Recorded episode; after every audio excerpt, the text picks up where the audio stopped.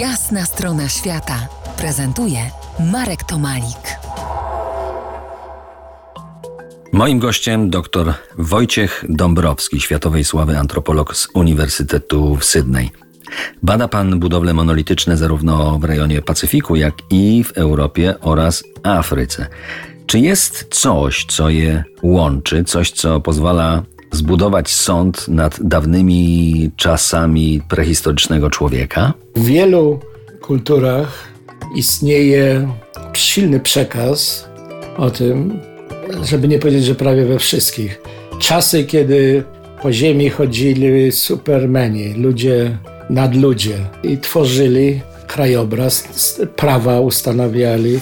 Skąd to się bierze, jak się ludzie nastawiają? No to jest to fascynująca rzecz, nie do końca wyobrażalna. Dlaczego w pewnym okresie czasu między 2000 przed naszą erą do 5-6 tysięcy, czyli to spory okres czasu, ale we wszystkich miejscach świata megalityczne budowle występują. Teraz się zbierały duże grupy ludzi, które nagle łączyły w swojej świadomości świadomość partykularyzmu kulturowo-społecznego, bo klan to było około 200-300 ludzi, ale jak się razem zebrały, to kilka tysięcy i nagle uczucie, że trzeba dać jakiś wyraz tej jedności i wtedy dochodziło do wspólnej pracy nad konstrukcją tych miejsc kultowych, które powodowały ogromną ilość wysiłku i inicjatywy. Czy ma pan jakieś konkretne przykłady ze swojej pracy naukowej?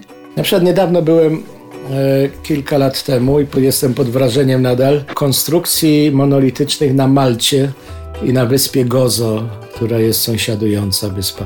I normalnie jest, było, znaczy w większości przypadków to tak jak nam się, jak wykazały badania, to głazy były transportowane z kamieniołomów na miejsce przy użyciu ściętych e, drzew, pni drzew. Ale na Malcie nie ma drzew. I co oni zrobili? W związku z czym to zrobili tak, że kule kamienne o idealnych kształtach wy, wyrzeźbili i na płaskowyżu prowadzącym od kamieniołomów do miejsca gdzie została ulokowana świątynia, poprowadzili tory jakby kolejowe, tylko ze wklęśnięciami, a nie wypukłościami, czyli ale równoległe tory, po których szły e, kule, a na kulach na tym były nakładane bloki. Bardzo ciekawe jest rozwiązywanie takich rebusów historycznych. Wydaje mi się, a nawet jestem przekonany, że taka praca, praca Antropologa bardzo rozwija wyobraźnię, uczy pokory w obserwacji i to nie tylko chyba tych dużych kamieni w terenie.